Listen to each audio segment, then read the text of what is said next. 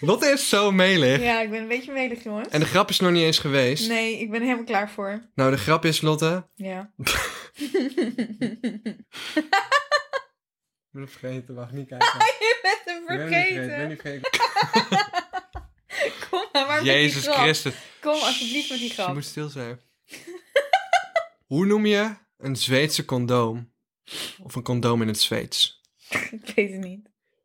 Pippi van Kous. Nee. Oh, het is zo kut. Ik ging dat zo stuk toen ik deze las. Nee, eh, mensen, voor de mensen die niet begrijpen, Pippi Langkous eh, komt uit eh, Zweden. Dat was wel een beetje mijn jeugd, hoor. Was dat jouw jeugd? Ik vond het echt Pippi heel stom. Langkous. Wist je dat op een gegeven moment, eh, dat is nog eruit geknipt later, maar dat kan natuurlijk tegenwoordig echt niet meer. Zij zegt dus over haar vader, Ja. Die zegt was toch een- zij... die was toch een schipper of zo? Nee, maar zij zegt het volgende over haar vader. Ja. Ik ga het even voor je afspelen.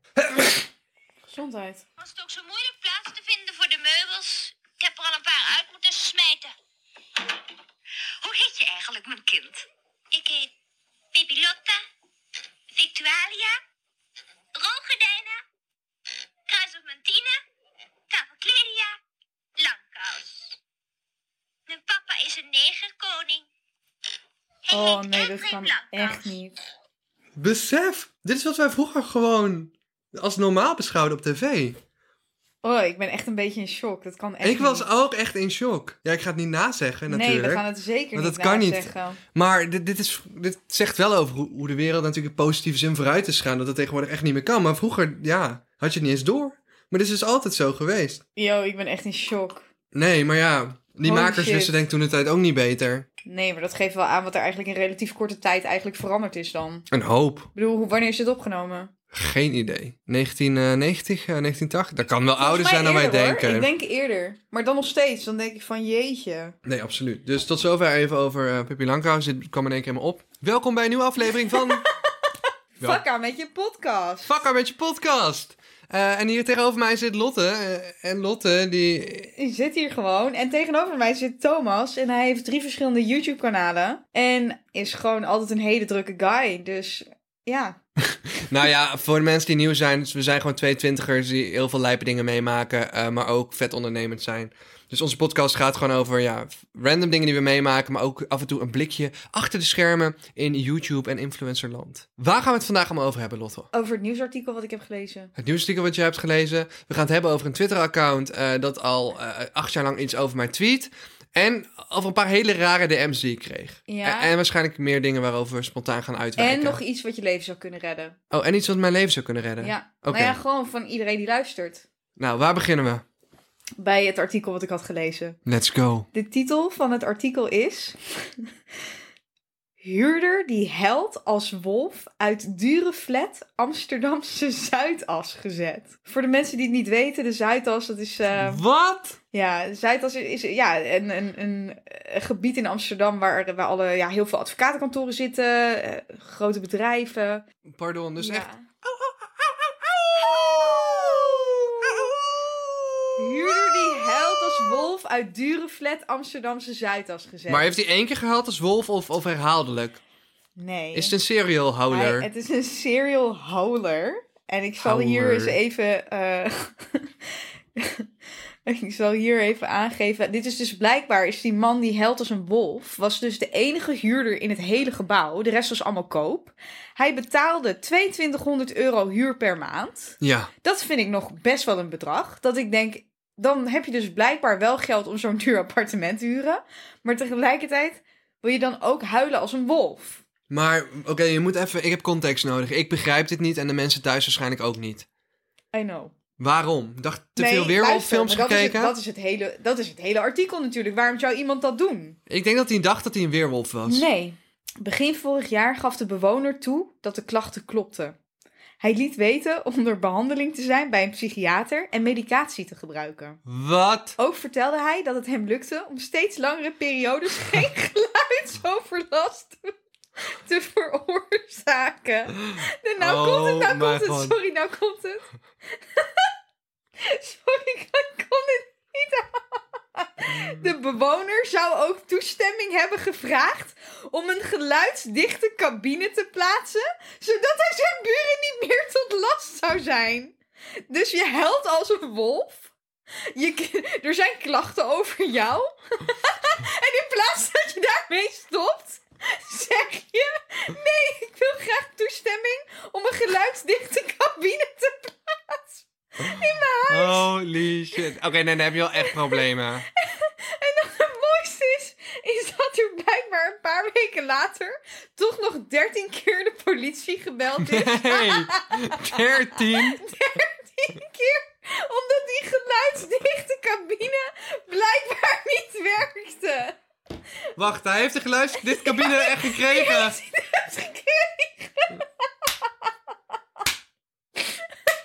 heeft hij die zelf gekocht of hebben de buren die voor hem gekocht? Nou, dat zullen die buren natuurlijk sowieso niet gekocht hebben. Oh mijn god. En de kantonrechter concludeerde dat er geen zicht is op verbetering, dus ontruiming is toegestaan. Maar mijn vraag is gewoon, dan, dan blijkbaar heb je geestelijke problemen, hè? Laat Nou, dat duidelijk zijn. is helemaal koekoek, ja. Maar je bent dan wel blijkbaar nog zo bij dat je zegt, ik heb een geluidsdichte cabine nodig. Maar hoe gaat dat dan? Dat ik denk, dat is dan, het moet dan toch meer een soort impuls zijn. Dat je denkt, Ja, ik geloof nog steeds dat hij misschien denkt dat die andere weerwolven ermee oproept of zo. ja, En weet je wat heel gênant lachen. Ik heb is? tranen in mijn ogen gewoon opnieuw. Maar dit doet me dus zo direct denken aan hoe ik ben doorgebroken op YouTube.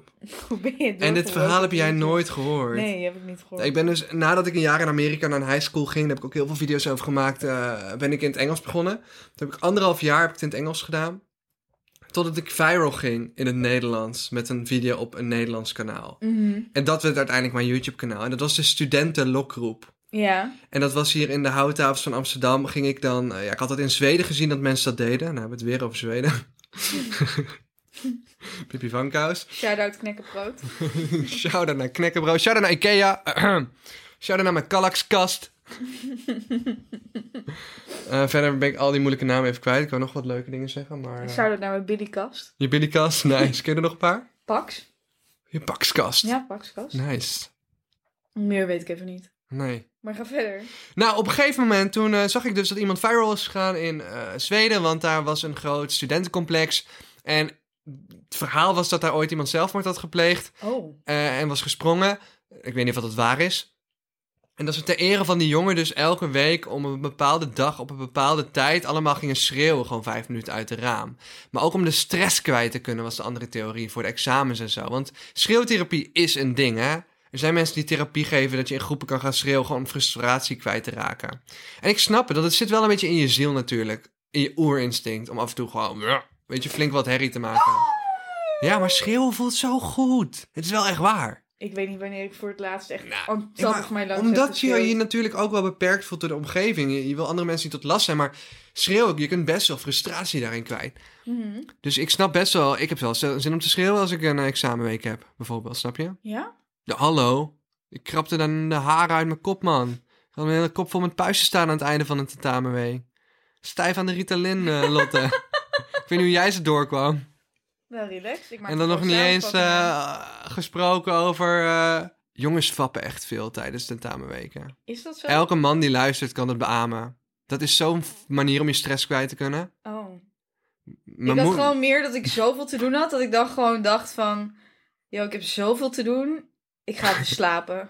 Mijn moeder luistert dit en die leert ook allerlei nieuwe woorden, zei ze, door de podcast. Echt? En eh, ik ben, Welke woorden heeft ze geleerd nou ja, ik ben vooral benieuwd of ze weet wat fappen betekent. Dat denk ik wel. Ik denk dat ze het wel weet.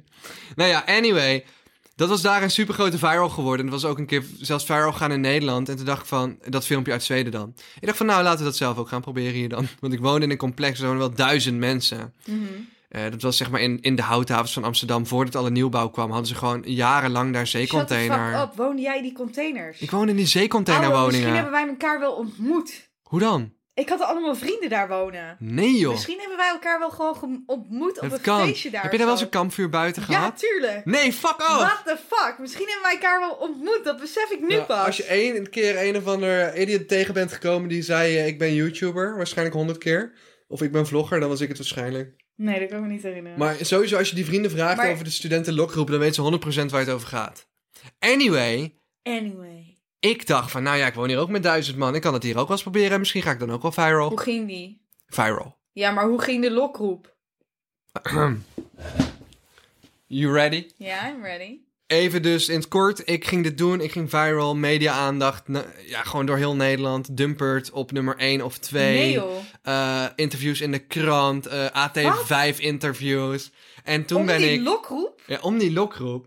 En ik zal het zo vertellen hoe dat uiteindelijk het bruggetje was naar mijn soort van mainstream YouTube carrière.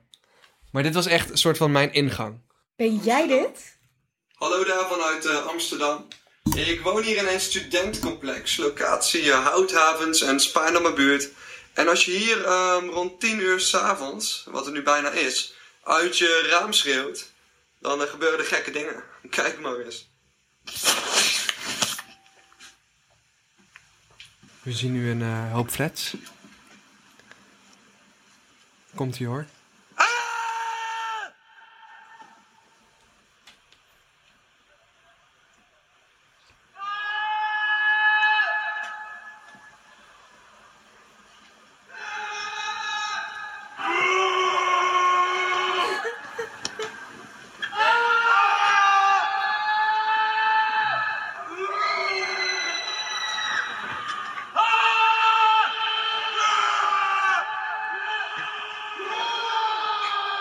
Maar was dit de reactie van mensen nadat jij dit al, zeg maar, had doorgevoerd? Of heb, besloot jij gewoon te gaan schreeuwen en iedereen besloot om terug te gaan schreeuwen? Nou, we hadden dus een eh, soort Facebookgroep waarop we gewoon ja, oude banken en zo aan elkaar verkochten. Ja, En ik had dus het filmpje geplaatst op, de, op die Facebookgroep uit Zweden. Ik zeg, joh, kunnen wij dit ook? ja. En iedereen was van, ja, hell yeah, we can do this. dus iedereen was van, let's go. Niet dat iemand iets beters te doen had boven studeren, zeg maar. Ja, ja, precies. Eh, dus iedereen was in. En, en toen dat filmpje geplaatst, maar ook naar Dumpert er zo ingestuurd. En naar AT5. En ik heb het gewoon zelf de wereld ingestuurd. Want ik wilde gewoon, stiekem wilde ik een beetje viraal gaan. Tuurlijk. Ik was natuurlijk al een paar jaar online video's aan het maken. En ik was nog nooit echt goed viraal gegaan. Ja. En het werkte. En nog geen week later sneakte ik via een telecomprovider waar ik werkte, toen de tijd Bliep. Waarvoor je voor 1 euro per dag eh, de hele dag online kon zijn. Ja. Sneakte ik eh, bij social influencers binnen. En dat was het ja, meest vooraanstaande agency voor eh, YouTubers. En daar zaten alleen maar grote namen, weet je wel. Jami, Teske, Mert, Masha. Echt, holy shit, die waren voor mij zo groot. Dat ik had duizend abonnees. Dus ik sneak dat feestje mee in, omdat Bliep dus ooit een van de eerste grote influencercampagnes had gedaan toen de tijd. Dan praat ik echt over 2015, 16. Dus met social influencers. Dus die kenden elkaar. Dus ik ga met die collega's van Bliep mee. En ik stap daar op Daan Sip af, de grote baas van social influencers. En hij is dronken. Ik was inmiddels dronken. Ik zeg, oh, je bent uh, vuil gegaan, eh, moet je kijken. En eh, ja, ik heb eh, al twee jaar aan dit kanaal geknald.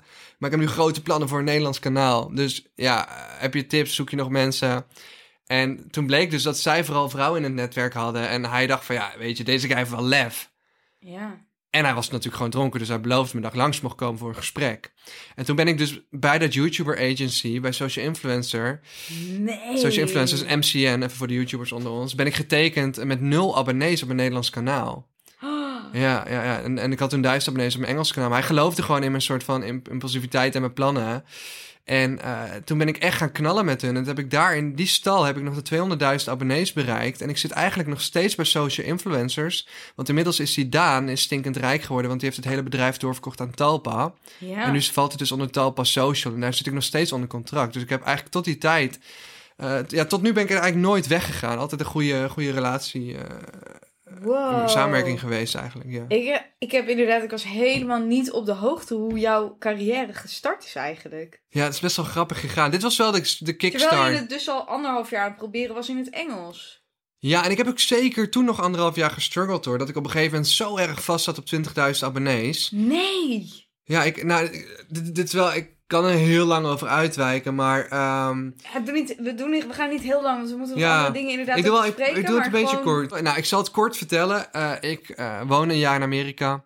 Ik had toen een eh acteerles al in Nederland gehad. Zelf geboekt. Acteerworkshop voor camera acteren. En ik vond al die dingen heel erg interessant. En ik had een beetje filmpjes geëdit voor CKW. Ging een jaar naar Amerika, naar een high school. Fantastisch. Heel veel video's over gemaakt als je er meer van wil weten. En toen op een gegeven moment zat ik daar een beetje vast. Want Tennessee, waar ik woonde, was negen keer zo groot als Nederland. Ja. Nee, drie keer zo groot als Nederland, maar er woonden drie keer zo weinig mensen. Dus per persoon had je negen keer meer ruimte. Wat betekent dat iedereen gewoon tien keer zo ver uit elkaar woont als in Nederland. En ik mocht niet rijden van de organisatie en met de fiets kon je bijna nergens komen. Dus ik zat heel veel thuis, raakte verslaafd aan YouTube. Ik kom terug in Nederland. Ik begin mijn Engels YouTube kanaal, Boredom Tom. Dus je was daarvoor eigenlijk nog helemaal niet bezig met YouTube, voordat je naar Amerika ging dan. Ik had wel mijn eerste filmpjes geëdit en ik had interesse in acteren en ondernemen. Ja, Want ik kocht maar, en verkocht dingen voor mijn klasgenoten. maar nog niet echt iets mee gedaan dus. Dat is pas in, in Amerika dan echt ja, dat je ervoor gegaan bent. Ja, dus in Amerika kwam ik erachter van... holy shit, deze, het ondernemen komt samen met het video maken... en het creatief zijn en voor jezelf willen werken. En het was een soort van... En ik was altijd de klasclown natuurlijk. En ik Mhm. liet mensen lachen in de klas en werd er vaak uitgestuurd. Dus al die dingen kwamen samen en het was van... wow, dit is echt... Dit wil ik gewoon. Dit is voor mij gemaakt. En ik ging Jack's Gap kijken en Casper Lee en Grace Helbig. Het waren, en Marcus Butler. Er waren toen een tijd allemaal Britse YouTubers. En die Britse scene was heel groot toen. En ik, ik, ik was zo, ik weet niet, zo gelukkig daarmee of zo. Het ging zelf dingetjes uitproberen, maken. Nou, het ging in juli ongeveer terug naar Nederland. En pas in december startte ik mijn eerste YouTube-kanaal. Ze hebben mijn gastouders in Amerika hebben voor mijn vertrek nog wel geholpen met het aanschaffen van een camera. Super lief Wat van lief. ze. Dus dat was echt heel leuk. En op een gegeven moment ja, was ik terug in Nederland. In december eh, heb ik mijn eerste video geüpload. Volgens mij eerste kerstdag, 25 december. En toen heb ik gewoon een paar jaar aangekloot. Op een gegeven moment had ik echt ehm, ja, internationale volgers. Het waren er maar 1200 of zo. Maar ik kreeg wel fanmail uit Hongarije. En het was wel... En, en eigenlijk rond de hele wereld keken mensen. En ondanks dat het zo'n kleine groep was... Ik had wel duizend mensen die me supporten, weet je. Dus het was echt wel een bijzonder gevoel. En genoeg om door te zetten. En ik uploadde niet heel consistent, maar wel elke twee of drie weken. Fast forward. Ik heb zelfs nog gefilmd met een jongen. Hier in Amsterdam had ik ontmoet bij een meet and greet van Sam Pepper op de Dam. Dat is ook een grote YouTuber, nu ook nog een TikToker. En dan ontmoette ik een jongen en eh, die had ook een Engels kanaal. En wij gingen video's voor elkaar filmen. Hele brave jongen, lieve jongen was het. Weet je wie dat was? Nou, Ismail Ilgun. Voordat hij hoedvlogger was. echt? Toen er nog een kleine schattige jongen was. En zijn reputatie natuurlijk nu is ook weer helemaal goed. Maar dat was toch voor, die, Oh, voor dat drama, zeg maar. wow. We gaan echt terug, hè. Ik begon Ja, in dit 2012. Ja, ik wil het zeggen, Ja. het gaat echt heel ver Het terug. gaat acht jaar terug. Dus op een gegeven moment ja, kom ik dus binnen bij, met die viral bij Social Influencers. Ik begin mijn kanaal. Gaat goed, goed, goed, goed. Ik zit rondom de 16, 17.000 abonnees. Rond die tijd verzamelen er andere YouTubers om mij heen. Een hele hoop, waarvan eigenlijk ja, hard gezegd weinig het overleefd hebben. Maar degene die de mensen toch zullen kennen zijn bijvoorbeeld Jeroen van Holland, Marije Zuurveld, eh Nieke Rozen. Dat waren mensen die, ja, die toen in mijn kringen kwamen. Dus wij kennen elkaar allemaal al vanaf de 5 of 10.000 abonnees. Dat is best wel bijzonder. Sommigen ben ik nog steeds heel goed eh, bevriend. Nieke, en Jeroen, alle drie bijvoorbeeld. En toen, wat toen leuk was, toen ben ik met Jeroen, Girenzo en Bradley Braafhart, en van die laatste twee hoor je wat minder tegenwoordig, eh, ben ik een, een collab-kanaal begonnen zoals Space, dat heette Verknipt. En Verknipt is dus echt heel erg pijnlijk uit elkaar gegaan uiteindelijk. Op een gegeven moment groeide Verknipt groter dan mijn eigen kanaal. Het had 30.000 abonnees en een miljoen weergaven. En dat was, ja, inmiddels heb ik een miljoen weergaven per maand, maar dat was toen de totale weergave. En dat maar was dat was mij... de combinatie van jullie drie dan. Vier. Bradley. Gerenzo, eh, Jeroen en Thomas, ja. Dus we hadden een groepskanaal. Maar we hadden niks vastgelegd. En op een gegeven Oei. moment kregen we een bericht van Coca-Cola. Zouden jullie voor Coke TV de groep willen zijn? En we hadden best wel veel stress om het kanaal te onderhouden. We waren allemaal jong en plannen was lastig. En niet iedereen nam het even serieus. En ik nam het zelf super serieus. En toen gingen we voor Coke TV een pilot opnemen met z'n vieren. En toen hadden we al besloten van, weet je wat, we gaan gewoon op Coke TV de komende tijd door. Want dan krijgen we allemaal, ja, wat was het, 1000 euro pp per maand. Dat is gewoon goed betaald. Maar, dan stoppen we voorlopig even met Verknipt, zo heet ons groepskanaal. Toen op een gegeven moment hoorde ik een paar weken niks. Ik had toch een beetje mot met eh, Jeroen en zo over de planning. En toen kreeg ik in één keer het bericht van het mediabureau wat ertussen zat. Coca-Cola heeft er toch voor gekozen om verder te gaan met Verknipt, zonder Thomas, met Marije Zuurveld. Oh. Toen ben ik finaal mijn eigen groep uitgeknikkerd. Ja. Dus die 30.000 abonnees en die miljoen views, waar we keihard aan hadden geknald. En dat was in, voor mijn Maar hele... wat is de reden dat jij er dan als enige bent uitgeknikkerd? Nou, twee redenen. A was dat ik een mot had met Jeroen. En B dat Jeroen en Marije heel goed met elkaar konden. En dat Marije bij hetzelfde management zat als de rest. En ik zat als enige bij social influencers. En zij zaten bij Mediakraft. Ja. Dat was een andere partij, die bestaat niet meer. Dus wat er gebeurt, is dat ik gebeld word. En mij wordt gewoon verteld van... Hey, Coke TV gaat voor jou niet door. Maar Maar tegelijkertijd wordt dus eigenlijk ook tegen mij gezegd: je kan niks meer met jouw groep verknipt. Want die formatie is gewoon veranderd en ze gaan gewoon verder ja, zonder de naam verknipt. Wel Sorry. heftig ook. Heel heftig. En dat was voor mij een hele lange periode die daaraan vooraf ging. En in die periode moest ik mijn scriptie schrijven, mijn bachelorscriptie. En had ik dus besloten niet op mijn eigen kanaal te uploaden. En al die maanden alleen maar te investeren in dat kanaal. En mij werd gewoon in één klap verteld van... Yo, je zit niet meer in de groep en het kanaal kan niet meer doorgaan. Want zij gingen eigenlijk met Marije Zuurveld verder op het Kook TV kanaal. Maar we hadden ook nooit dingen goed afgesproken. Dus er ontstond ook een soort van heel veel geroddel onder de kijkers. En niemand kwam met een duidelijke Waar statement. jij ineens was gebleven, want dat wist natuurlijk ook niemand. dan. Ja, dus iedereen dacht dat ik de boosdoener was. Dus ik werd heel erg ja, lelijk aangekeken door heel veel kijkers. Dus toen op een gegeven moment was ik dus eigenlijk ja, dat hele kanaal kwijt waar ik zo hard aan had gewerkt. En toen heeft dat mij fysiek zoveel gedaan dat ik op een gegeven moment een darmontsteking had en naar het ziekenhuis moest. Nee, dat de joh. dokter gewoon, ze dacht dat ik de ziekte van Crohn had. En uiteindelijk Dat je bleek er het... fysiek zo ziek van was Ik geworden. was psychisch er zo ziek van geworden dat uiteindelijk het oversloeg op, een, eh, op, op iets fysieks. En toen zei de dokter gewoon van ja, je hebt gewoon te veel stress gehad, dit is je trigger. Dit is een trigger van jouw lichaam. En dat is ook vaak gebleken. Als ik echt heel erg lijp ga, dan is mijn, zeg maar, mijn buik begeeft het als eerste. Dus als sommige mensen... mij met is dat mijn keel. Je keel. Ja, ik raak mijn stem kwijt. Ja, zie gek hè, hoe, de- hoe toch mensen... Ik denk dat heel veel mensen die luisteren dat ook wel herkennen. Dus dat was een hele moeilijke periode. Maar dat verzamelde voor mij enorm veel moed om door te zetten. Dus wat ik gelijk ben gaan doen toen is... Ik was echt... Ik woon in ieder geval alleen in Amsterdam. maar ja, alles waar ik voor had gewerkt viel weg. Eh, ik had nog weinig soort van sociale houvast. En ik zat echt soort van in een donkere tijd van mijn leven. Ik was echt depri. Snap ik wel. Echt depri, ja. En ook mijn vertrouwen in mensen heel erg kwijt. En het heeft me ook echt wel gevormd tot, tot wie ik nu ben. Ik denk ook echt wel dat ik een soort van... Een trauma. Het is wel ergens een soort traumatische ervaring geweest. Ja, uiteindelijk ben ik daar wel een soort van harder en zakelijker van geworden. Behalve het feit dat ik natuurlijk al heel zakelijk was eigenlijk ingesteld. Dus toen de tijd ja, ben ik gelijk gaan focussen in die negatieve spiraal van... Yo, motherfuckers, I'm gonna come for you.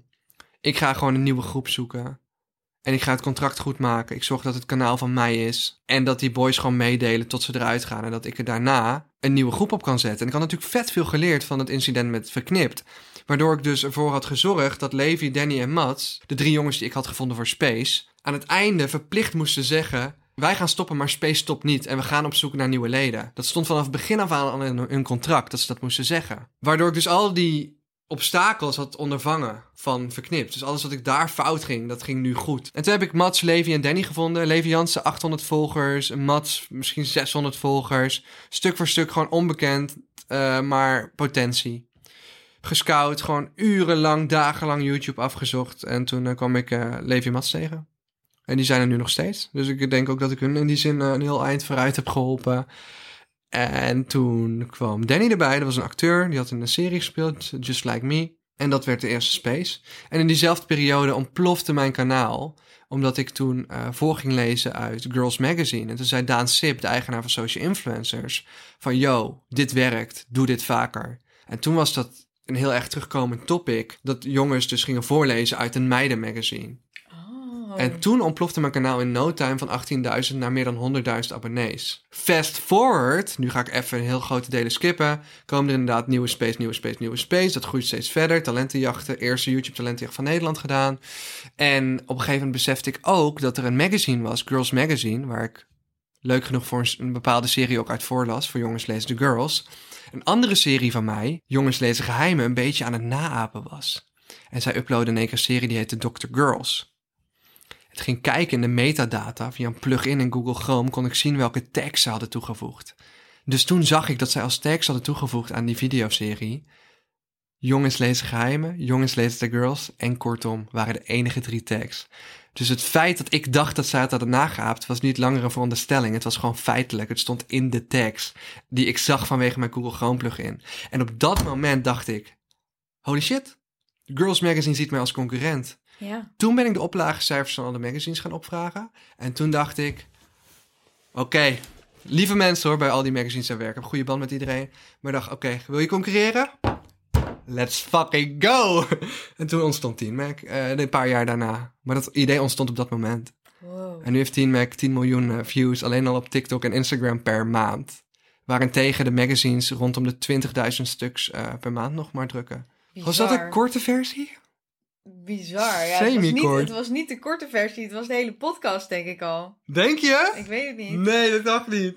Nee, het was 10 minuten maar. Oh, Holy shit. nou, Ja. dan heb je het echt snel verteld. Ja, maar het is best wel een soort van lang verhaal. En, en natuurlijk al die volgende spaces en Team Mac fases, die heb je misschien gezien als kijker. En die kun je erbij denken. Maar Team Mac is begonnen als het YouTube kanaal dat gewoon Kortom heette. Op een gegeven moment heb ik dat gesplitst. Er kwam er een nieuwe Kortom. De oude Kortom ging Team Mac heten. Website, Instagram, TikTok van Team Mac kwamen erbij. Ehm, en Team Mac heet nu Team Mac bij Kortom op YouTube. En zal uiteindelijk ook gewoon Team Mac gaan heten. En naast mijn gezicht nog andere gezichten krijgen. Dus dat is eigenlijk de whole story. En Space, ja, dat is gewoon een, dat roleert. Ja, Kan ik ook heel lang over praten, maar het roleert. wel nice. Wel leuk om even die achtergrond te horen. Vet wel, toch? Ja, Ja, ik vind zelf, denk ik, als ik er terugdenk, denk ik, ik vind het mooi om te zien hoe dat meest depressieve punt. maar het eerste wat ik dacht eigenlijk, Ja. en daar heb ik nooit eerder over nagedacht, want ik weet dat jij drie kanalen hebt, is dat nu ik dit verhaal hoorde, dacht ik, jij durft je geld niet meer op één kanaal te zetten.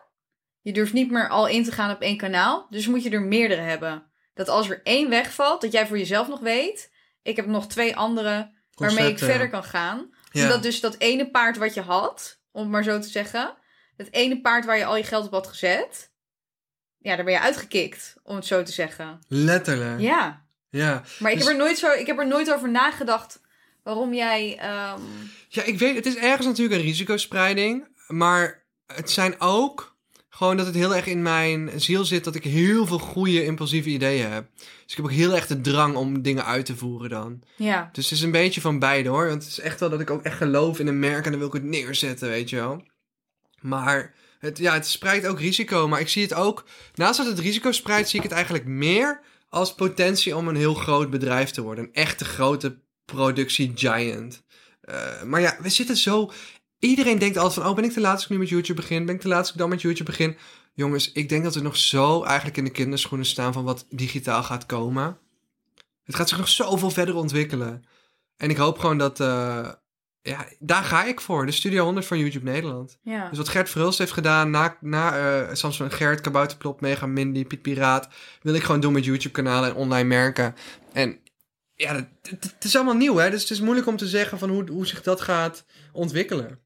Je Ja, weet niet hoe het digitale landschap er over vijf jaar uitziet. Dus in die zin, ja, het zijn allemaal risico's. Eh, dus ergens spreid je risico's, maar ik probeer ook te aimen naar een soort van exponentiële groei.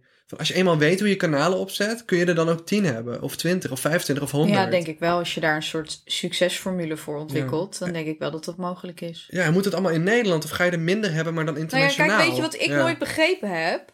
Waarom ik niet meer internationaal zit? Nou, nee, gewoon meer. Ik dacht er gewoon over na. Ik dacht, stel je voor, ik wil een YouTube-kanaal starten. Ja. Ik dacht, is er bijvoorbeeld een YouTuber die gewoon bijvoorbeeld op woensdag altijd een Engelse video uploadt en dan op zaterdag gewoon een Nederlandse video of een Duitse video, weet ik veel waar je vandaan zou komen. Is er niet iemand die gewoon twee talen op zijn YouTube-kanaal heeft? Dat zou nooit werken Zou het niet werken? Nee, dat is mijn vraag. om, vanwege het algoritme. Ja, Maar het zou wel werken als je twee kanalen neemt. ja oké, maar dan moet je dus twee kanalen nemen. Maar het zou niet kunnen werken als, als ik bijvoorbeeld een kanaal zou maken en dan zeg jongens, op woensdag upload ik in het Engels. Dus de mensen die in het Engels willen kijken. Tenzij je, wil je dan, ja, tenzij je alle wil- Nederlandse ja, ik video's. Wil dat, ik wil dat niet, maar ik vraag me gewoon af waarom mensen dat niet doen. Dus er zal dan een, rij, een Ja, dat is de zijn, reden. Sterker nog, dat is ook exact de reden waarom sommige mensen die gaming video's maken, dat weer op een apart kanaal doen van hun vlogkanaal. Oh. Omdat het een ander soort kijker is. En algoritmisch ja, wil je dat dan graag scheiden van elkaar. Maar waarom wil je dat scheiden dan? Omdat het een ander publiek trekt. En YouTube heel erg kijkt naar kijkgedrag op een bepaald kanaal. Daarna gaat aanbevelen naar anderen. Oké. En ik denk dat dat. Ja, het is moeilijk om te zeggen. Hè? Kijk, het algoritme is natuurlijk ooit begonnen met één regel. En alleen voor Google is dat nu al 500 regels. De eerste regel voor het Google-algoritme was van... hey, wij zetten websites bovenaan in de, in de zoek... eh, wanneer er veel naar gelinkt wordt door andere websites. Dat was de eerste regel voor Google toen de tijd. Dus hoe vaker er naar jouw website werd gelinkt door andere websites... hoe hoger die stond. Inmiddels zijn er honderden regels. Algoritmen zijn geheim. Het zijn eigenlijk een soort staatsgeheimen, bedrijfsgeheimen van, van de social media. Want als jij weet hoe het algoritme in elkaar zit, ja, dan kun je die op zich, ja, kun je daarop inspelen. Maar we weten het wel globaal van alle social media. Je weet natuurlijk, op YouTube willen ze concurreren met de watchtime van televisie. Dus je moet zo'n hoog mogelijke kijktijd hebben. Dus je wilt dat mensen zo'n lang mogelijk percentage kijken. Eh, in onze podcast analytics zie je ook hoe lang mensen kijken wanneer ze gemiddeld wegklikken. Dat neemt Spotify geheid mee in de beoordeling of dat dit een goede of slechte podcast is. Hmm. Maar ik denk ook wel dat het algoritme ergens wel kan zien van... oh, dit is een gaming channel, we gaan die aanbevelen aan gaming. Ja, precies. En ik denk dat het algoritme ook wel een beetje in een war kan raken... als er ook vlogs op staan. Maar ja, dat is de vraag, dat, weet, dat kun je soms ook niet helemaal beantwoorden. Hmm. Eh, Iedereen zit altijd achter het algoritme aan te jagen. Maar watchtime is op dit moment het belangrijkste. Watchtime en engagement. Dus hoe lang hou je iemand vast in je video? Ja. Hoeveel comments en likes geef, ja, geven mensen? En eh, die watchtime is altijd belangrijker dan die andere twee. Daar kun je dus bijvoorbeeld op inspelen. Dus door je video heel pakkend te openen met een soort van teaser. Die je Ja. vervolgens op 80% beantwoordt. En dan weer heel snel af te sluiten aan het einde.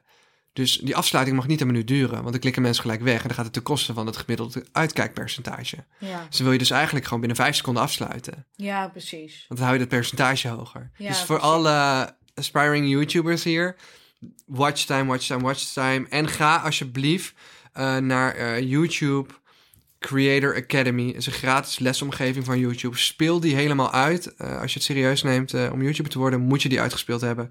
Anders weet je niet waar je... Als, heb je geen recht van spreken. Eh, nee, ja, tenzij je allemaal dingen al wist, natuurlijk skip je die gewoon. Maar ga dat checken. Lotte, ik heb heel erg het gevoel dat mensen dit echt wel een interessant onderwerp vinden. Maar jij mag weer. Oh, ja. Oké.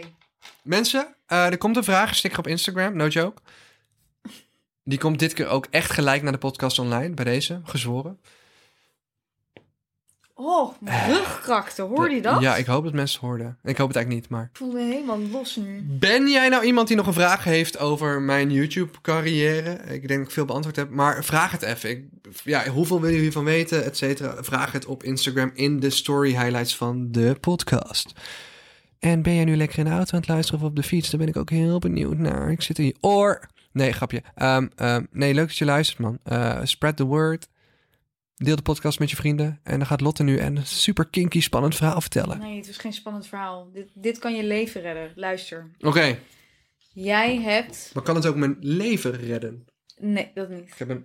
We drinken wijn voor het eerst in deze podcast. Ja. Die monetized. Dit is niet eens monetization.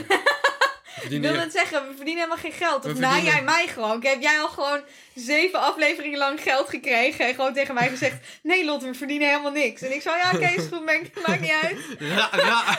ik kom wel, ik kom wel gewoon gezellig, toch? Terwijl jij al dat geld in. Je weet de hele tijd... Dat zou wel een streek zijn. Oh. Oh. Ja. Besef. Nee, ja, ik verdien wel een beetje. Nee, grapje, er zit geen advertenties op. Kan niet. Spotify neemt alles Oh. zelf.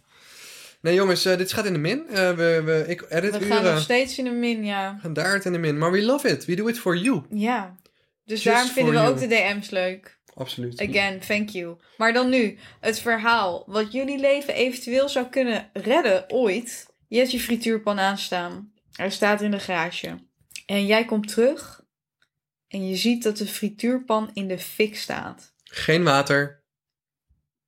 Dat is het enige wat ik wilde horen. Wat je dus nooit moet doen bij een oliebrand, is er water op gooien. Dus je moet het afdekken. Met een deksel of met een branddeken. Er zijn ook speciale brandblussers voor. Maar heel veel mensen weten dit dus niet. En Echt niet? Nee, echt niet. Ik ben En heel technisch ik- ingesteld wel. Daarom dacht ik, ik ga dit gewoon benoemen. Is er een oliebrand, jongens? Nooit water. Nooit. Ja, en voor de mensen, eh, wil je weten wat er gebeurt? Zoek dat vooral even op op YouTube.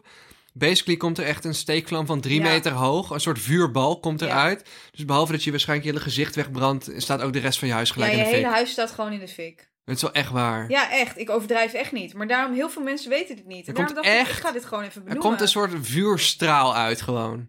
Maar ik vind het bij mij soms wel eng, want ik woon best wel hoog. Ik woon eh, op een hoge verdieping. Ik ga mijn verdieping hier niet noemen, maar ik woon op een hoge verdieping. En soms lig Hoger dan 10, toch? hoger dan 10. Ja. En soms lig ik wel eens in bed en dan denk ik...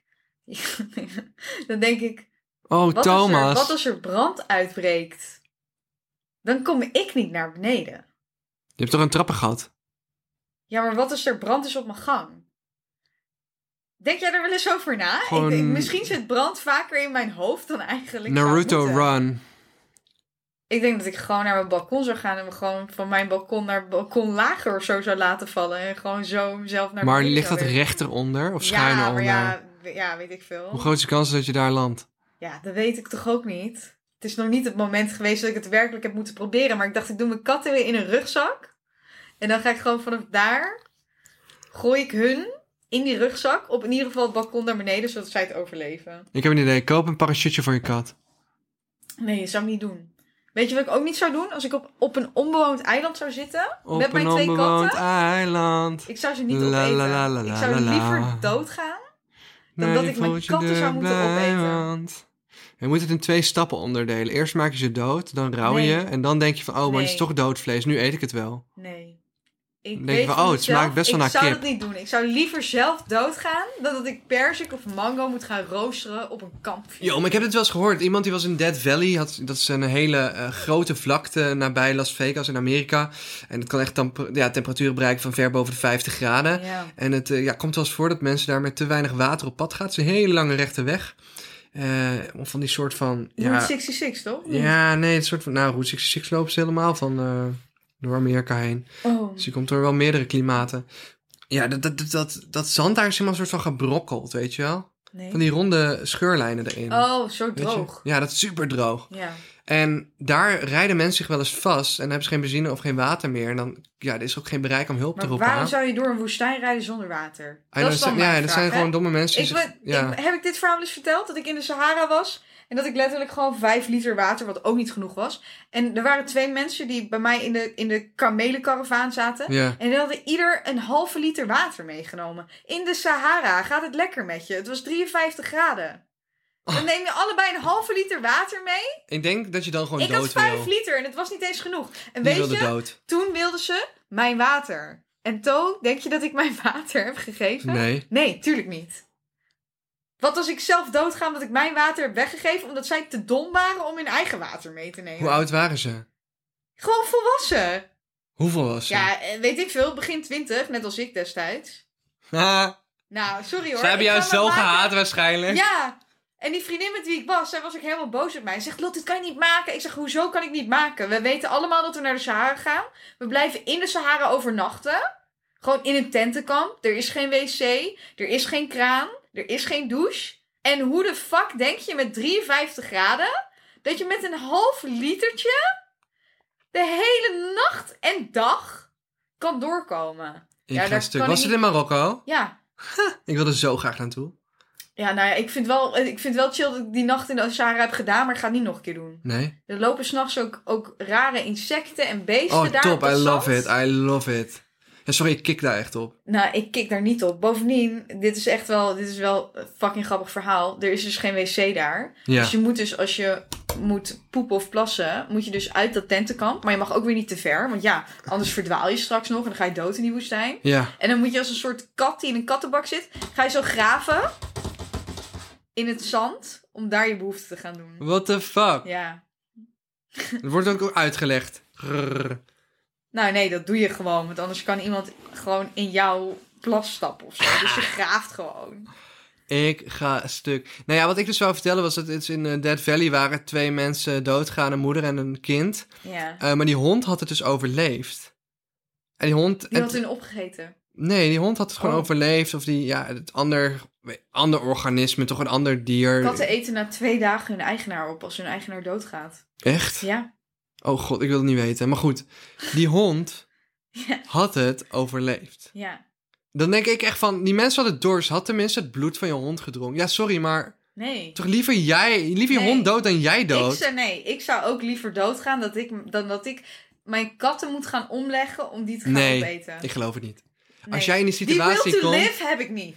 Die Nee. will to live heb ik niet om mijn katten dood te maken zodat ik zelf overleef. Is Nee. dat hoe depressief Laat je bent? mij dan maar doodgaan. Nee, sorry, maar ik denk dat die... zoveel vet zit er ook niet aan die beestjes. Kijk, als het nou een. Deense dog was geweest, dan had ik gedacht, oké, daar kan ik nog wel letterlijk wat eten, zeg maar, wat vlees van afhalen. Maar van twee naaktkatten waar nauwelijks vet op zit, nee. Het zijn wel echt scharminkeltjes, ja. En het zou ook raar zijn als zij het langer zouden overleven dan ik. Ja, maar die hond, die deed het dus wel. En ik snap niet hoe. Maar ja, ik denk niet dat die mensen beseft hebben überhaupt dat ze... Op een gegeven moment ben je dan gewoon niet aanspreekbaar meer. Dan val je in slaap en dan... Met, bij uitdroging ga je volgens mij best wel langzaam dood. Maar ook wel een soort van onbewust uiteindelijk. Dus ik denk niet dat zij nog op het idee zijn gekomen van... Oh, die hond gaat langer leven, laten we die even opdrinken. Dus ik denk ook niet dat ze daar bewust over hebben na kunnen denken. drinken, dat dat goed is als je al op sterven ligt. Nee, is dat niet heel zout? Ik heb geen idee, maar ik kan me niet voorstellen dat het... Water zou dan de oplossing moeten zijn. Ja, maar dat hadden ze niet. Nee. Ja, ik denk dat je het dan toch niet lang gered had, als ik heel eerlijk ben. Maar Heftig, ik, keek, ik keek vroeger op Discovery Channel altijd I Shouldn't Be Alive. En daar waren dus ook een moeder en haar dochter. Die hadden dus letterlijk tien dagen onder een kano gelegen in de, weet ik veel, min 10 of zo. Omdat dus die kano was kapot gegaan. En die vader en die zoon, die wel in een kano zaten, die het nog deed. Die waren weggevaren om hulp te zoeken. Maar die waren helemaal ingesneeuwd. Nee En toen joh. kwamen ze na tien dagen terug. En ze leefden allebei nog, omdat ze dus sneeuw hadden gegeten. Waar zei ik nou net dat we het nog meer over gingen hebben? Oh ja, dit Twitter-account over mijn single status. Oh ja. What the fuck is dat account? Ik zal het heel veel opzoeken voor je. Het heet Er is... is een account Ja. Ehm, met, eh, ja, het gaat gewoon over het feit of Thomas nog single is of niet. Maar blijkbaar bestaat het account al jaren, wat hilarisch is. Ja wil, wil je weten Wat- hoe lang? Absoluut hilarisch is. Dat betekent dat jij dus al die jaren al single bent. Ja, ik ga die guy wel even opsporen op het moment dat het niet meer zo is. het account heet, eh, daar komen jongens. Is Kortom single? Is Ed Thomas Brok nog single? Eh, ja, twee uur geleden. Gisteren, is Thomas Brok nog single? Ja. Ehm, de dag daarvoor is Thomas Brok nog single? Ja, en so on. En dat is al, eh, ja, hoe vaak is dat gebeurd? Eh, sinds november Elke dag. 2015. Elke dag sinds november 2015 komt er een tweet online die zich afvraagt: is Thomas Brok nog single? Ja. En het antwoord is altijd ja. Maar vind je het niet confronterend dan? Denk je dan nu niet van, yo, het is tijd om, om een vriend of Ik eh, te zoeken? zie dat ik inmiddels het account heb ontvolgd. Oh, Ja, want ik heb, eh, dat waren anders natuurlijk 500 keer 352 tweets. Nou, reken maar uit. ja. 352 dagen toch in het jaar? Nee. Dat is helemaal niet waar. Nee, dat is niet waar. wat jij 365. zegt. Ja. 365 keer 5 is nou, toch wel zo'n 1800 tweets. En ik had niet zin om 1800 keer te lezen hoe single ik was. Maar het is wel grappig. Iemand heeft het dus ooit bedacht. En ik werd vandaag geremind door iemand. Eh, dus ik ga een klein beetje Maar weet je wie dit account heeft opgezet? Ja, een van de dude die dus ook bij die telecomprovider Bliep werkte. Shit, ik ga stuk. En ik weet niet wat hij er zo grappig aan vond dat ik single was. ik Maar vind dat echt kapot grappig. Gewoon dat het een collega van je was. wacht, misschien. Ik dat heb een is idee. echt hilarisch. Ik heb een idee. Kunnen we hem bellen? Nee, ik heb zijn nummer niet. Maar moeten we misschien dit account opheffen? Misschien is het een vloek over mijn relatiestatus. Nee, misschien. dat denk ik niet. Ik denk dat jij gewoon te veel werkt. Ik denk dat ik single date. ben door dit Shut account. the fuck up. To, dit is bullshit. Hoezo? Ik ben Wanneer heb jij voor het laatst gedate? Eh, oktober, nee. Nou dan. Eh, december, weet ik veel. Vier maanden geleden. Ik weet het niet. Vier maanden geleden. Durf dit account niet de schuld te geven van jouw lek aan dating experience. Want jij bent alleen maar aan het werk. ja, jij bent alleen maar aan het werk. Oké, zwaar. Ik werk te veel. Je werkt veel te veel. Hoeveel uur denk je? Meer dan 60 sowieso wel. Ja, sowieso meer dan 60. Maar het slaat gewoon helemaal nergens op. En je moet ook nog een keer gewoon een relatie krijgen. Ja. Of twee naaktkatten, whatever you like. Iedereen zei twee naakte... dat je nog iets anders ging zeggen. Nee, twee naaktkatten. Of gewoon twee naakte mensen in je huis. Maar geen relatie. Dat, Dat is een beetje raar. kan gewoon. Het kan wel, maar het is wel een beetje raar. Alles kan. Als ik hier zou komen en jij hebt altijd standaard twee naakte mensen in jouw huis lopen, ik zou het wel een beetje awkward vinden. Het klinkt wel een beetje alsof ik dat gemaakt heb. Ik zou het wel een beetje awkward vinden, maar ja, het kan wel. Maar wie weet, koken ze ook voor mij. De naakte mensen. Koken ze ook voor mij. Doen ze s'avonds een hushbaby sleeptijd, little Tom. En doen ze, zeg maar, lezen ze voor uit een boek. Nee, grapje. Nee, Stop maar. Het wordt een beetje creepy, hè? Ja, het wordt... het wordt nu een beetje eng. Over welke DM's wil je het hebben? Nou, ik, eh, ik heb dus... eh, nou ja, sorry, maar kijk, ik ben best wel... Jij leest je DM's niet. Ik weet niet waarom we dit onderwerp gaan behandelen. omdat dit allemaal Nee. rondom een bepaald nee, topic ik ging. ga even nu, ik ga even de, even de spotlight pakken hier. En iedereen stuurt mij leuke DM's over hoe leuk ze deze podcast vinden. En heel veel mensen zeggen, ja, we hebben Thomas ook gedM'd. Maar hij heeft het gewoon niet gelezen. Het spijt me heel erg. Ik krijg sowieso natuurlijk heel veel DM's. En dat bedoel ik niks geks mee. Van heel veel kinderen ook. En ook heel veel, ik denk wat jongere kinderen dan dit nog luisteren. Ja, Maar ook heel veel bots. ja dat heb ik ook. Echt Ja, groepsgesprekken met bot en Ja, linkjes en Maar spam. dat is sinds afgelopen week of zo. Ja, afgelopen bizar. twee weken. Maar het is inderdaad heftig. Bizar. Maar dat kan je aanpassen. Maar lieve mensen, ik heb er een paar gelezen. Ik heb ze nog niet eh, beantwoord. Maar ik heb ze wel gekeken. En ik zie dat ze vooral binnenkomen op zondag na de podcast. En ik vind het heel leuk. Dus iedereen die iedereen heeft gestuurd, oprecht heel erg bedankt. Mag ik even vertellen over mijn gekke DM die ik had gehad? Oké. Luister, er wordt dus op eh, NOS Stories iets geplaatst over ja, het bewijs waarom dinosaurussen zijn uitgestorven en hoe. Nou, dat was natuurlijk al best wel. De theorie was al bekend. In Mexico ligt een soort van enorme vervorming in de aarde. Rondom Mexico en ook gedeeltelijk in de zee. Het is reusachtig. En dat is eigenlijk dus gewoon één grote krater. En om die rand van die krater zitten ook al die cenotes in Mexico. En voor de mensen die ooit in Mexico... Cenotes heten dat. Dat zijn een soort van diepe gaten in de grond met helder blauw water. Een soort van ondergrondse tunnels en grotten. Heel mooi. Kun je ook induiken en zwemmen. Oké. Daar groeien allemaal lianen naar binnen. Maar die ligt dus specifiek op de rand van die krater. Maar dat is zo'n grote krater... dat wetenschappers dus nu officieel hebben bewezen... dat was altijd al de veronderstelling... dat daar ooit zo'n grote meteorietinslag is geweest... dat er een dusdanig grote wolk as over de aarde is gegaan... dat het, de aarde gewoon decennia lang geen zonlicht heeft gezien. In die periode is er een soort van ja, enorme kou en zo aangebroken. Is dat waardoor die dinosaurussen zijn En doodgegaan? daardoor zijn al die dinosaurussen uitstorven. en stof en dergelijke wat in de lucht zat, waardoor Ja, het zonlicht Het niet meer eigenlijk het algehele klimaat van de hele aarde is... Ja, ik weet niet of het om duizenden, honderden of tientallen jaren gaat... maar voor een hele lange periode dusdanig verstoord geweest... dat 75% van al het leven op aarde is overleden. En dat is ook het gevaar van nucleaire bommen, hè? Dat zeggen ze ook. Als er een nucleaire oorlog gebeurt, dan kan er een ijstijd Zou- aanbreken. Ik zou zo graag naar de Chernobyl willen, gewoon als een soort ramptoerist. Dan gaan we daar een podcast opnemen. Ik zou dat echt heel graag willen. Pripyat heet dat dorp. Ja, zo zie ik. heb daar zoveel over gelezen. Echt, ja, ik ook. Ik zou er echt heel graag heen willen, maar niemand wil met mij mee. Ik wil met mee, mij ik wil mee. Zullen wij gaan naar Let's Pripyat? go, let's it out. Cool. Laten we het doen als corona voorbij is. Kunnen we daar, ja... Ik doe dit echt hoor. Ik ben know. echt op zoek naar iemand die Oh, gewoon mee wil. Laten we dit doen als corona voorbij is, zodat we daar stralingsziekte kunnen oplopen. Jee! Nee, want als je niet in het gas gaat, is er know, niet I zoveel know. aan de hand. En nou, maar heb je ook gezien, ik heb YouTubers gezien die daar zijn met tourguides die echt kijken van, yo, hoe die meters van hun uitslaan is echt niet zoals het eigenlijk mag. Hoe heette die me meters ook weer? Kijkenmeters? of Kijk, zo? eh, k- eh, Geico, Dacht Kijken, maar ik weet het niet zeker. Kijkenmeters? Ja, ik vond dat echt reet De interessant. hoeveelheid straling die er dan nog zit. Shout-out naar meneer Van de Kracht van het Doeltremont College in Drunen. Hij is een legend. Ehm, als, als iemand uit Doeltremont College luistert, zeg het hem even. Shout-out naar Aldrik Rijks. Ik heb nooit geluisterd met natuurkunde, maar ik weet wel dat, u mij natuurkunde gaf. Meneer Van der Kracht is de beste docent die ik ooit heb gehad. Daar kan ik een hele podcast aan wijden. Nou ja, goed. Luister. Dus, Ja, ik ben... Ik sta heel erg open voor geloven dat er meer is. ja. Dus ik begrijp religie, ik heb respect voor religie. Maar er is een keerpunt. ja. En het keerpunt bij mij zit hem in het ontkennen van wetenschap. Ik heb gestudeerd aan de universiteit. Eh, en voordat ik naar een universiteit ging, wist ik eigenlijk niet eens wat het onderscheid was tussen HBO en, en, en, en Unie. Dit meet En toch WO? niet?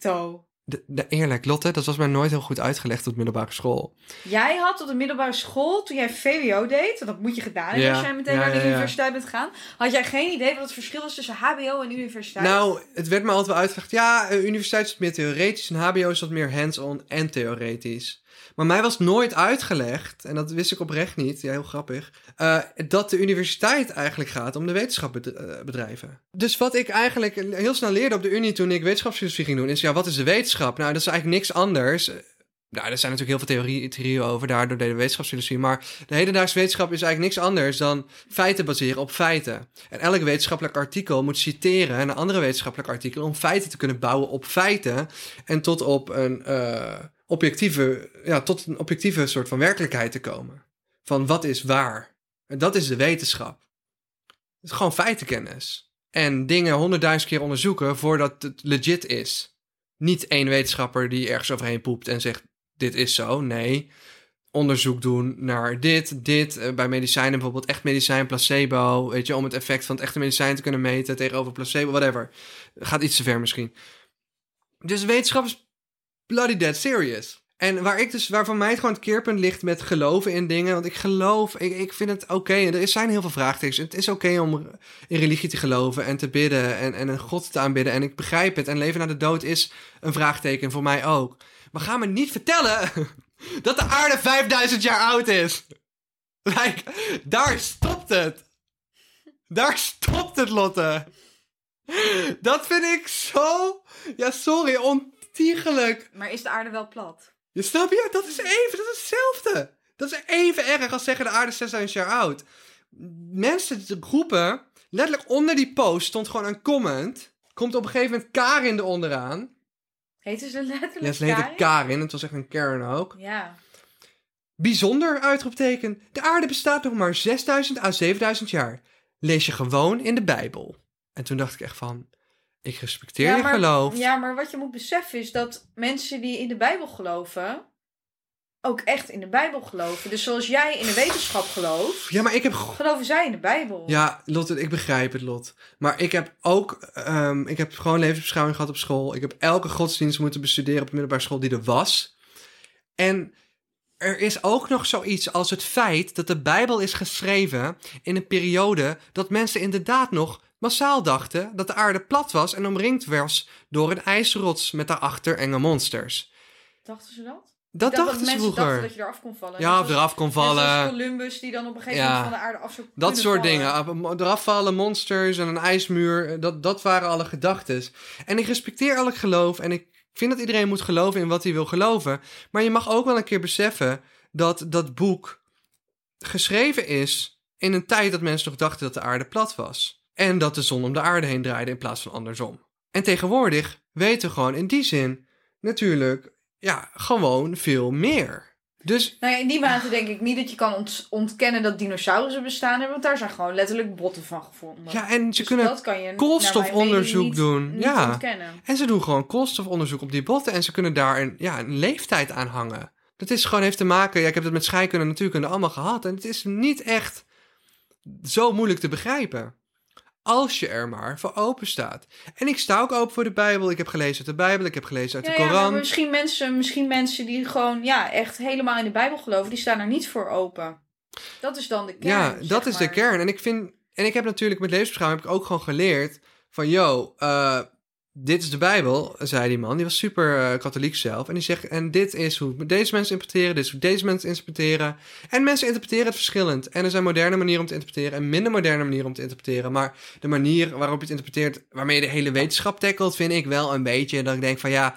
Maar aan de andere kant vind ik het ook zielig voor de mensen die dat geloven. Want dan kom je ook gewoon uit een omgeving waarbij de rest voor je afgeschermd is geweest. Anders kun jij zo'n uitspraak niet doen. En dat heb ik zelf meegemaakt toen ik in Amerika woonde.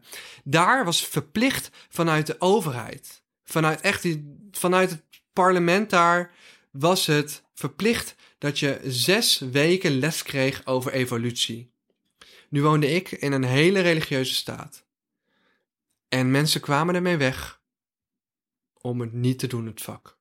Ouders weigerden dat kinderen een vak over evolutie mochten volgen.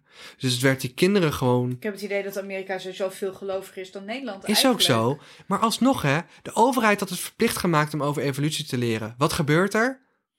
Ouders kregen voor elkaar dat kinderen toch niet hoefden te leren. In dat hele onderwijssysteem is er wel meer mis dan alleen dat, zeg Ja, maar wat ik maar wil zeggen is... Ik heb in levende wijze gezien hoe kinderen ervan weerhouden werden om anders te leren dan wat exact in de Bijbel stond. En ik, Nou ja, het is, het is misschien in die mate hebben mensen als ze opgroeien met een bepaald geloof niet de optie om te kijken naar andere mogelijkheden die er ook zouden kunnen zijn. En daarom vind ik bijvoorbeeld zo interessant mensen die in sectes worden geboren, dus echt erin worden geboren en daarin opgroeien, bijvoorbeeld kunnen breken met die secte, ondanks dat zij niet beter weten dan dat. Want wij hebben dan bijvoorbeeld het geluk gehad dat wij opgegroeid zijn, ehm, waarin we dus die verschillende mogelijkheden kunnen meemaken. We hebben het de geloof hebben we overgeleerd. We hebben gewoon evolutie overgeleerd. Toch? ja, absoluut. Maar er zijn niet altijd... Ja, niet iedereen heeft inderdaad die mogelijkheid. Exact. Ik denk het belangrijkste is dat iedereen voor zichzelf van alle opties bekijkt. En dan, en oprecht, niks tegen geloof. Geloof in een God. gel- Geloof in het grotere. Geloof in, in het eh, hiernamaals. Echt respect voor elke religie. Maar besef dat die boeken in een bepaalde periode zijn geschreven. En dat, dat, dat er verschillende manieren zijn om ze te interpreteren. Ja. Nou ja, goed. Mensen. eh, ik heb eh, daar, dat, dat had ik in mijn story gezet. Oké, Karin, had ik gezegd. Ik had daar comment in mijn story gezegd waarop iemand reageerde. Dus ik zeg, hoe oud denken jullie dat de aarde is? Ik zeg, zoveel miljard jaar of 6000 jaar? Waarop 15% nog reageerde 6000 jaar. En iemand anders reageert gewoon simpelweg. Gewoon 2021 jaar. Nou, weet je, en dat vind ik ook een instelling. Want wat je instelling is, vind ik hem ook helemaal mooi. Fucking lijp. Ja, vind ik ook helemaal goed. Weet je wat ik aan mensen wil vragen? Nou, Ik wil aan mensen vragen, dat is echt het beste wat je voor deze podcast en ons kan doen als je hier een beetje van geniet. Vertel gewoon, probeer gewoon de komende week, de komende zeven dagen, tien verschillende mensen, ja, van op mond op mond, zeg maar, reclame, te vertellen over onze podcast. Vertel gewoon over onze podcast. Ja. Dat lijkt me echt leuk. Doe dat alsjeblieft, dat vind ik echt top. En weet je hoe mensen naar deze podcast luisteren? Alsof wij een soort collega's zijn die op de achtergrond aan het lullen zijn over van alles. Echt Ja, werkontwijkend gedrag en ja, studieontwijkend gewoon mensen gedrag. die ondertussen gewoon aan hun schoolwerk zitten of aan het werk zijn. Die luisteren hiernaar en zeggen... Ja, ik heb gewoon het idee alsof twee collega's van mij op de achtergrond aan het praten zijn. Waar ik ook naar, naar het gesprek aan het luisteren ben. Twee mensen op de achtergrond horen praten over van alles en nog wat. Alsof het twee collega's zijn die ook op jou... Nee, nee, nee, we moeten beter verkopen. Wij Oh. zijn twintig en fucking grappig. En we zijn. Leuk. En we vertellen alle YouTube secrets. Kom met die secrets dan. Bam! Welke secrets heb je verteld? Kievesh, ik heb alles verteld. Ik heb alles verteld. Ik heb verteld hoe ik bekend ben geworden, Lotte. ja. Hoe ik in mijn reet ben geneukt door een Oh. frisdrankmerk. En. Goed, einde van de podcast. Ehm, het advies, eh, levensadvies. eh, ja, als je samen een YouTube-kanaal begint, eh, nee, maak een contract. Dat is het advies. Oké, doei baby girl. Doei, baby girls. Zin een frisdrank, man. Lekker man.